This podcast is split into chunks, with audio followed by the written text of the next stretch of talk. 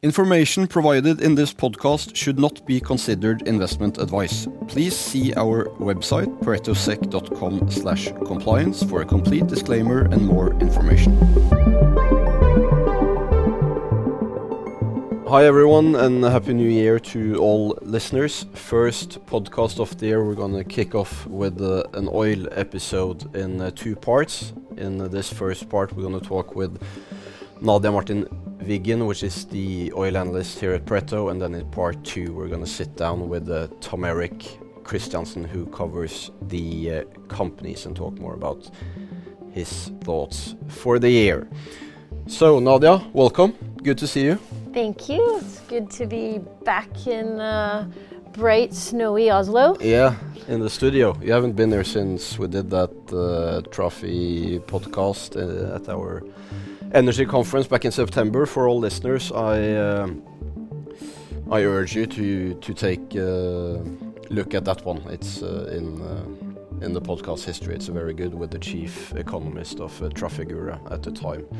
So uh, let's uh, touch a bit up on last year before we go deeper into the details of this year. But last year, going into 22, yes, we already had an energy not the crisis, but the crunch. Yes, we were absolutely in a supply demand crunch.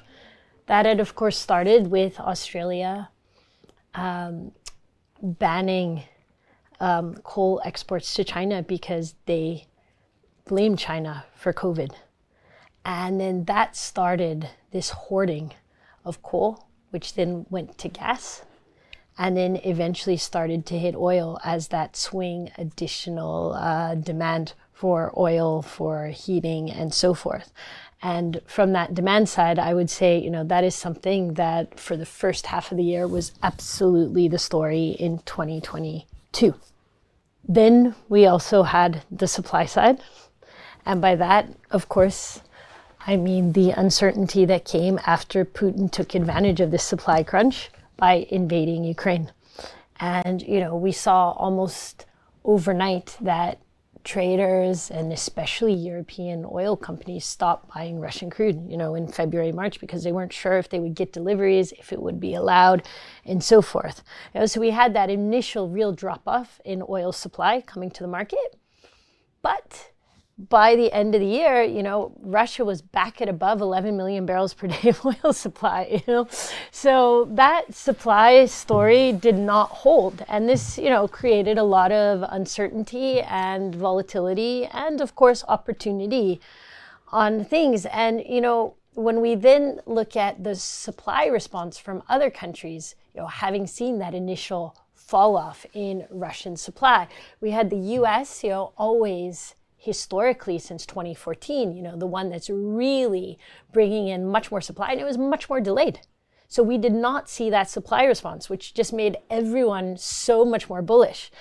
We did get some additional production though from OPEC. We got some additional production from US shale, but not the kinds of numbers um, in the past. So we got, you know, even a 200,000 barrels per day out of Canada.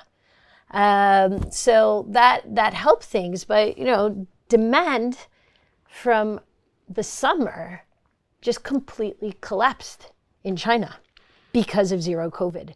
And, and that is what pushed the price trend. Yeah, and the, and the swing there, because up on the invasion, you obviously had the supply get from Russia, but suddenly that supply found other routes, India, etc. Mm-hmm. And you had a big shift in, in May when China suddenly introduced the zero COVID policy and was away with two million barrels. Yeah, yeah. I mean, in, in one month, we saw imports drop one and a half million barrels per day, month on month, right? That's a big deal. Um, you know, when you consider that by IEA numbers, we're, we're circling around 100 million barrels per day of demand. Um, and I think the expectation was that China wouldn't stick with that policy. And then the reelection of Xi was supposed to shift things, but then in the reelection, he was awarding the hardliners on zero COVID. So that delayed things, I think, even more in terms of that uh, Chinese comeback. Um, in my personal view, though, I think also, you know, China is being smart. they see and saw that this EU import ban was coming December 5th, right? And the market was very worried again about this drop off in Russian supply. So, why should China start buying into that strength? You know, they want to wait and, of course, get the discounts on Russian crude. And, you know, in the start of the year, we've heard that they've been buying some barrels at less than $40 a barrel. So that and is very sensible when, you know, November, December, we were trading at, you know, you know, between 80 and 90 plus dollars a barrel. You know, we were actually in 98 at one point in November. You know, that's not the best time to be buying if uh, you can get this incoming discount from Russia on Russian crude.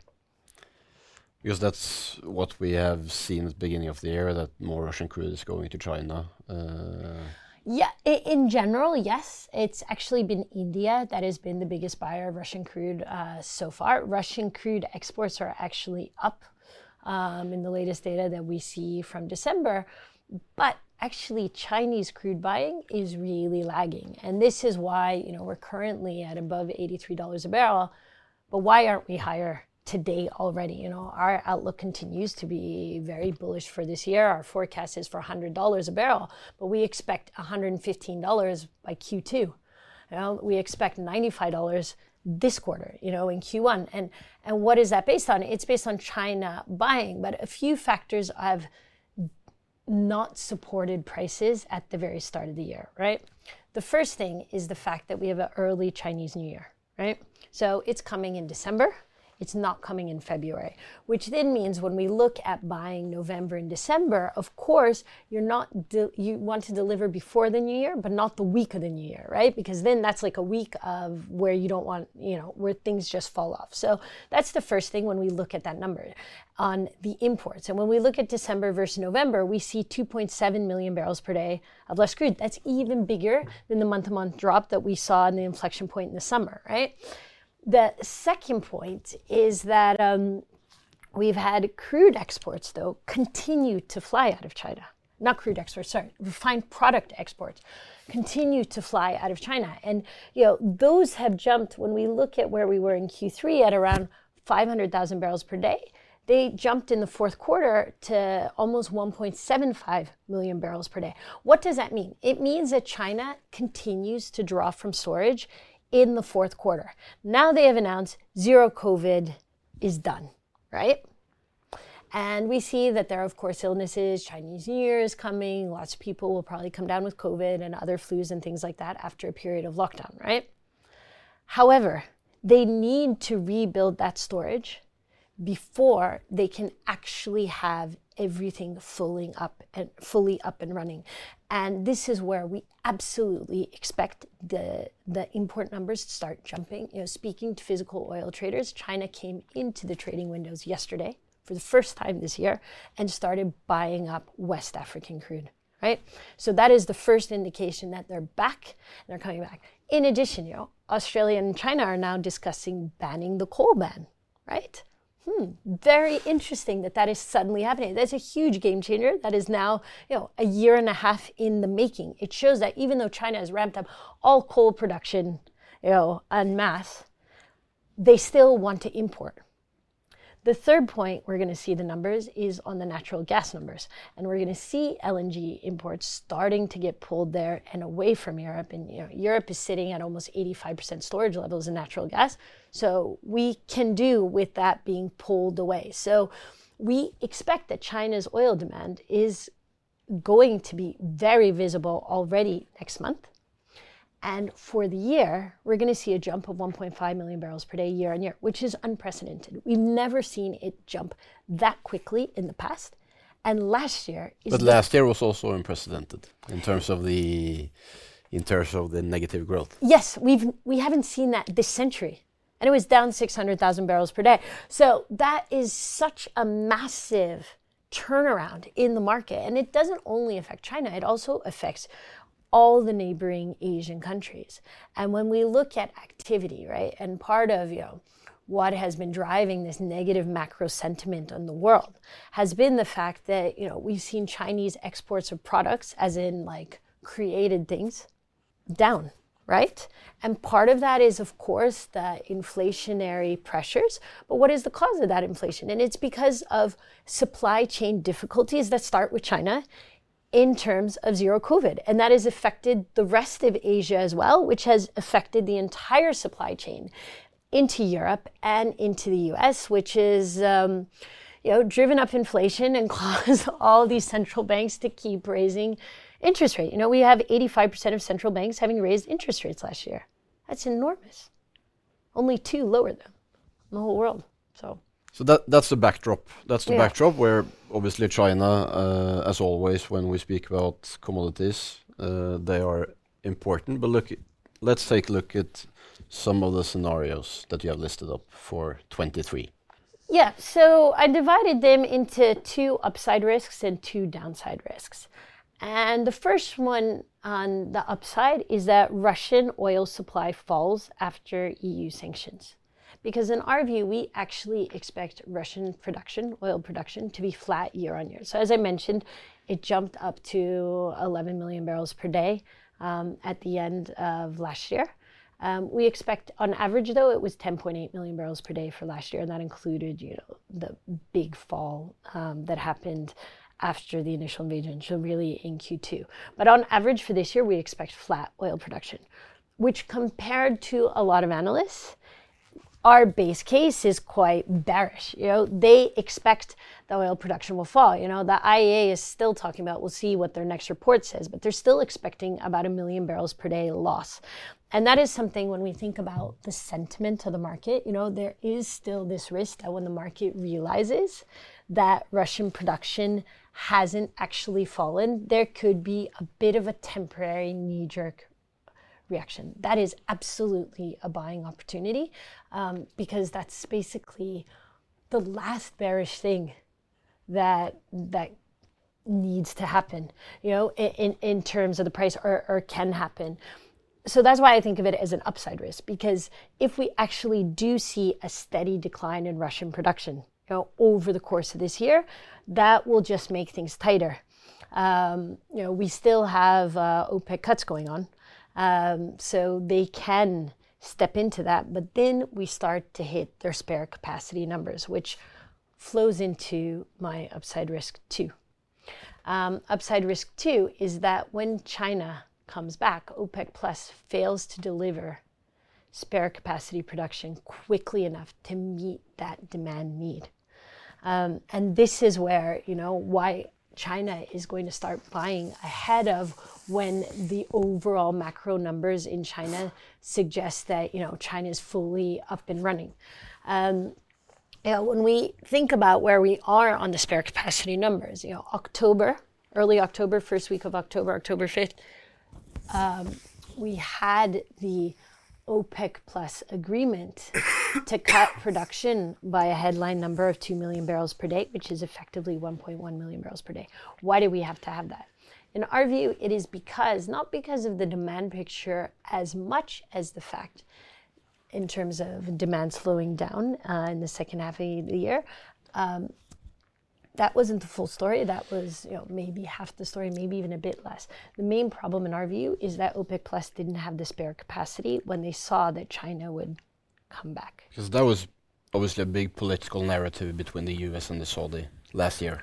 W- would they boost production or, you know, and, and how quickly? And, you know, they, they did temporarily boost production, um, but very temporarily, you know, and that cut though in our view, you know, we, we had spare capacity dropping so low that you know some forecasters still had them at two and a half million barrels per day. In our view, we we had them probably at around one million barrels per day. But Trafigura, to you alluded um, in our previous podcast, you know they had it at around six hundred thousand barrels per day spare capacity. Therefore, OPEC plus absolutely needed to cut 1.1 million barrels per day minimum to have enough oil for when China's demand jumps 1.5 million barrels per day. It's very simple mathematics that this was the bare minimum they needed to do.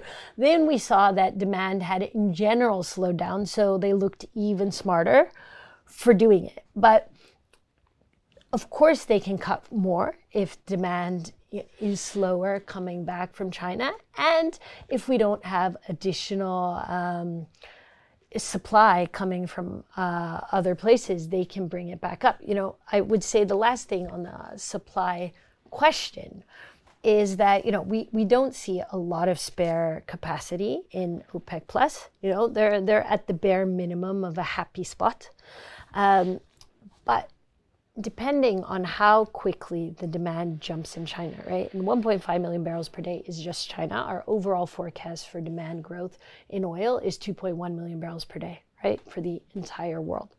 Um, when we look at the breakdown, though, we have at least 1.8 to 2 million barrels per day of additional demand coming just from the jet market, right? Aviation. When everyone starts flying again, right? So what we expect, you know, is when summer flying, April, Easter, things like that, then things will really start to jump higher. We're going to have a strong price signal. You know, that's why we have $115 in Q2, which then will spur US shale production. And that is something we cannot forget because last year, yes, it was very slow to come back, much slower than the market had expected. Part of this discussion has been are the sweet spots gone, so forth. But one of the biggest holdups has been the lack of personnel to actually complete wells. And you know, speaking with the service operators, you know, now since the start of the year, finally, applications for jobs to work in the oil field service industries in the US is finally way up. So, we, coupled with very strong oil prices, we do expect them to come back. Um, but not to be worried, we still expect the market to be strong this year. Um, moving on to downside risks, right? Um, our first one is that we get deeper recessionary pressure. I mean, today is a big day that we, you know, we get our um, CPI CPI print. But that was that was also, I mean, if you look at oil last year, mm. where you basically started and ended up at at the same place, but with an extremely volatile year, then recessionary risk started to take over during the summer. And you saw that maybe more on gas, where you saw fertilizer plants in Europe shutting down, etc. You saw gas to a bit gas to oil switching, etc. But yeah, and it's kind of ironic because yeah. you know already in June people were wondering if that was going to be the the peak inflationary number, but the number is still very high, and that is I think the, what changed in the summer is people are like, wow, these uh, interest rate increases are going to be sharp, and they're going to be lasting.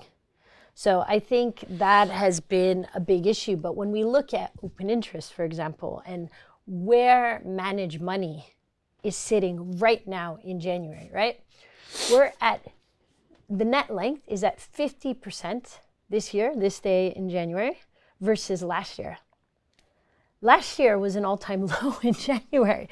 When we look at the last five years, it's been lower and lower each year. And you know, part of what I started off saying, you know, explaining this early Chinese New Year, how bad the imports looked out, uh, looked into China for crude in December, you know, all of this is delaying. You also want to have your first trade of the year correct, right? And the oil price has come down. Mm. Um, in that week, in the last week, right? And so this is making the bulls hesitate a little bit, but I just think that, you know, already China's coming into the market yesterday. That's going to start to shift things. Um, but having said that, you know, there is a risk that in the second half of the year, the bite of the recessionary pressure, um, you know, hits oil m- much more strongly. And that's where we go from seeing, you know, strong draws in the third and fourth quarter to actually seeing built coming forward. Um, you know, that is uh, also in a case that we, we have it affecting the entire supply chain. You know, that even though China is coming back, that you, you don't have the US capable of taking on what uh, China is producing. And even though we may have peaked in terms of US dollar strength, our expectation isn't that the US dollar is suddenly going to collapse. So the US will still have purchasing power. So I think versus some of the street, I think uh, that recessionary pressure concerns is a bit overdone. Um, the second main risk we see, and this is, of course, the lever of the Biden administration, is that they resume SPR releases um, in mass. I mean, we still had an SPR release last week. So they haven't even fully stopped yet. And what was interesting is we had this brief window last year where we actually were kind of hitting the buying price for the US SPR. You know, $72 WTI was supposed to be when the Biden administration would start buying, but they were still releasing because then this is where it's a little bit ridiculous for the U.S. to behave like a trader, uh, because they just the government isn't fast enough to take opportunity. You know, they should be buying their own barrels almost, um, and that is, I think, makes it a little bit problematic when they think about how they're going to be treating this. If we actually were to hit these low 70s and stay there for a few weeks, they absolutely need to start buying because the moral risk in terms of that communication with oil producers when they have promised we're going to buy your oil if we're at $72 a barrel we will be buying from you when the shale producers were saying we're not going to do it because we don't want to destroy our own market because that was a back and forth last year obviously with biden and versus the oil companies and i guess everybody who watched the news uh, noticed that uh, he told them to drill more. They told him that it's been one year with the with the it's been one year with the green numbers. We need to see stability, etc. And he basically promised them a put on the oil Absolutely. price to make sure that uh, that uh, they could invest with some visibility into the future. And you know, it was already controversial because the week before, going into the OPEC meeting, he had offered the OPEC producers eighty dollars a barrel. you know, so it's uh, very tricky if you're promising, you know, that you're going to be buying and you're continuing to release oil in into the market. And I mean, I know for Europeans, maybe the the U.S. election seems far away but it's not that far away. It's, you know, a year and a half away effectively. And when we look at our price outlook for this year, it's $100 for this year. Yes, some softness coming in the fourth quarter because of that jump in US shale. Um, but when we look towards 2024, because of that general uninvestment that we've seen, you know, we need to invest at least 500 um, billion dollars every year in oil and gas E&P. And when we look for the next 10 years, we're short. We're in the 400s. Last year was probably just under 450. Yeah. So that is where we have this, you know, we're still in this cyclical upcycle. And 2024, $100 oil in the summer is very problematic for Biden in that election. So he needs to absolutely support things to have U.S. shale producing, um, and therefore, you know, needs to be ready to activate any potential puts. And that is also you're starting the uh, the SPR balances from uh, from a lower place than where you are today. But uh, yeah, exactly. I mean, they can keep releasing, and there will be some small releases that Congress has already agreed to do this year. So it's not problematic yet. But if we have the Chinese growth engine on full throttle, we cannot just deplete the US SPR endlessly and just hand over everything to China. And and this is about striking that balance. So yeah, we, we see that the Biden administration is pulling back on some of like the environmental um, concerns that were going to be um, you know uh, had to be implemented in U.S. oil extraction. So he is realizing that, you know, why is he doing that? It's an additional cost for producers, right?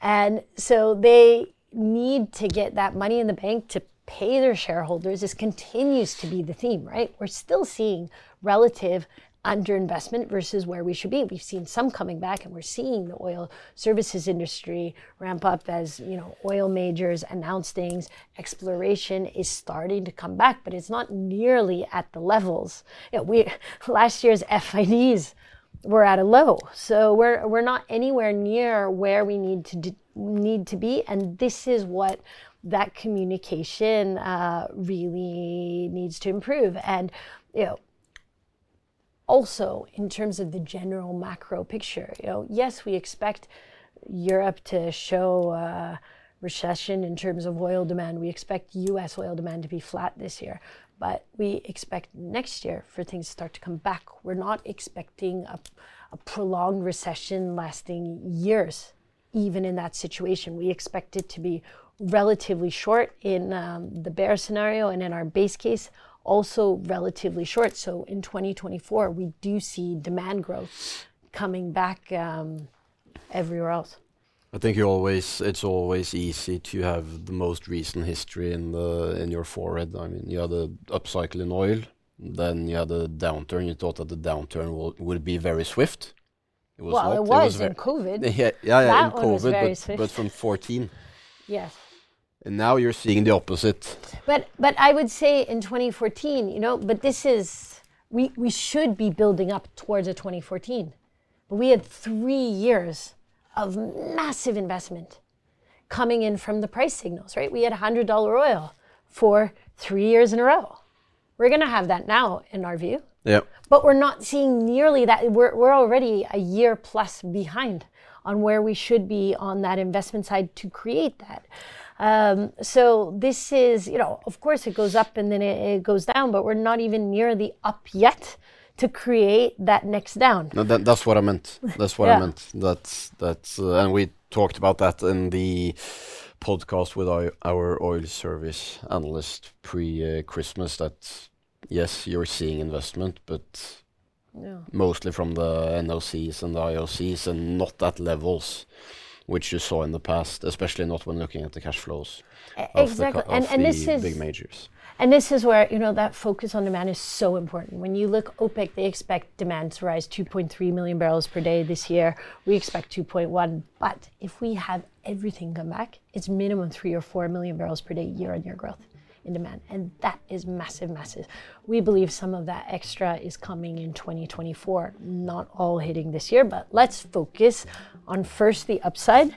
We cannot miss this upcycle right now it's such a buying opportunity where we are at $83 a barrel focus on that and then when we're starting to get near the top we can see when that is how that is and what are the other factors but the key message is now it's all up that's very good. I think we have spent uh, a bit over 25 minutes, so we can leave it with there. Obviously, Pareto has uh, its annual E&P conference in London next Wednesday on the 18th. You're going to be there, uh, Nadia, so that's a very interesting conference with a lot of interesting E&P uh, companies, and we're going to talk with uh, Tom Erik in part two of uh, this episode to hear more about his thoughts for 2023. Nadia, great to see you. I hope we can do an episode not not too long from now, and we'll see where. The only thing I know is that we will probably see some volatility. Nothing is clear in the commodity market. Yeah, but, but we have it, opportunity. Volatility is opportunity, exactly. and you know, I'll just say Happy New Year and happy upcoming uh, Chinese New Year when things will really start to fly. Thank you very much. See you in the next episode with Tom Erik. The information provided in this podcast should not be considered professional advice and is not intended to constitute investment advice. Investing and trading in all types of securities involve considerable risk at all times, and past performance is not necessarily a guarantee of future performance. Pareto Securities does not accept any form of liability, neither legally nor financially, for any direct or indirect loss or expenses that may arise from the use of information provided in this podcast. Please see our website paretosec.com/compliance for more information and full disclaimer.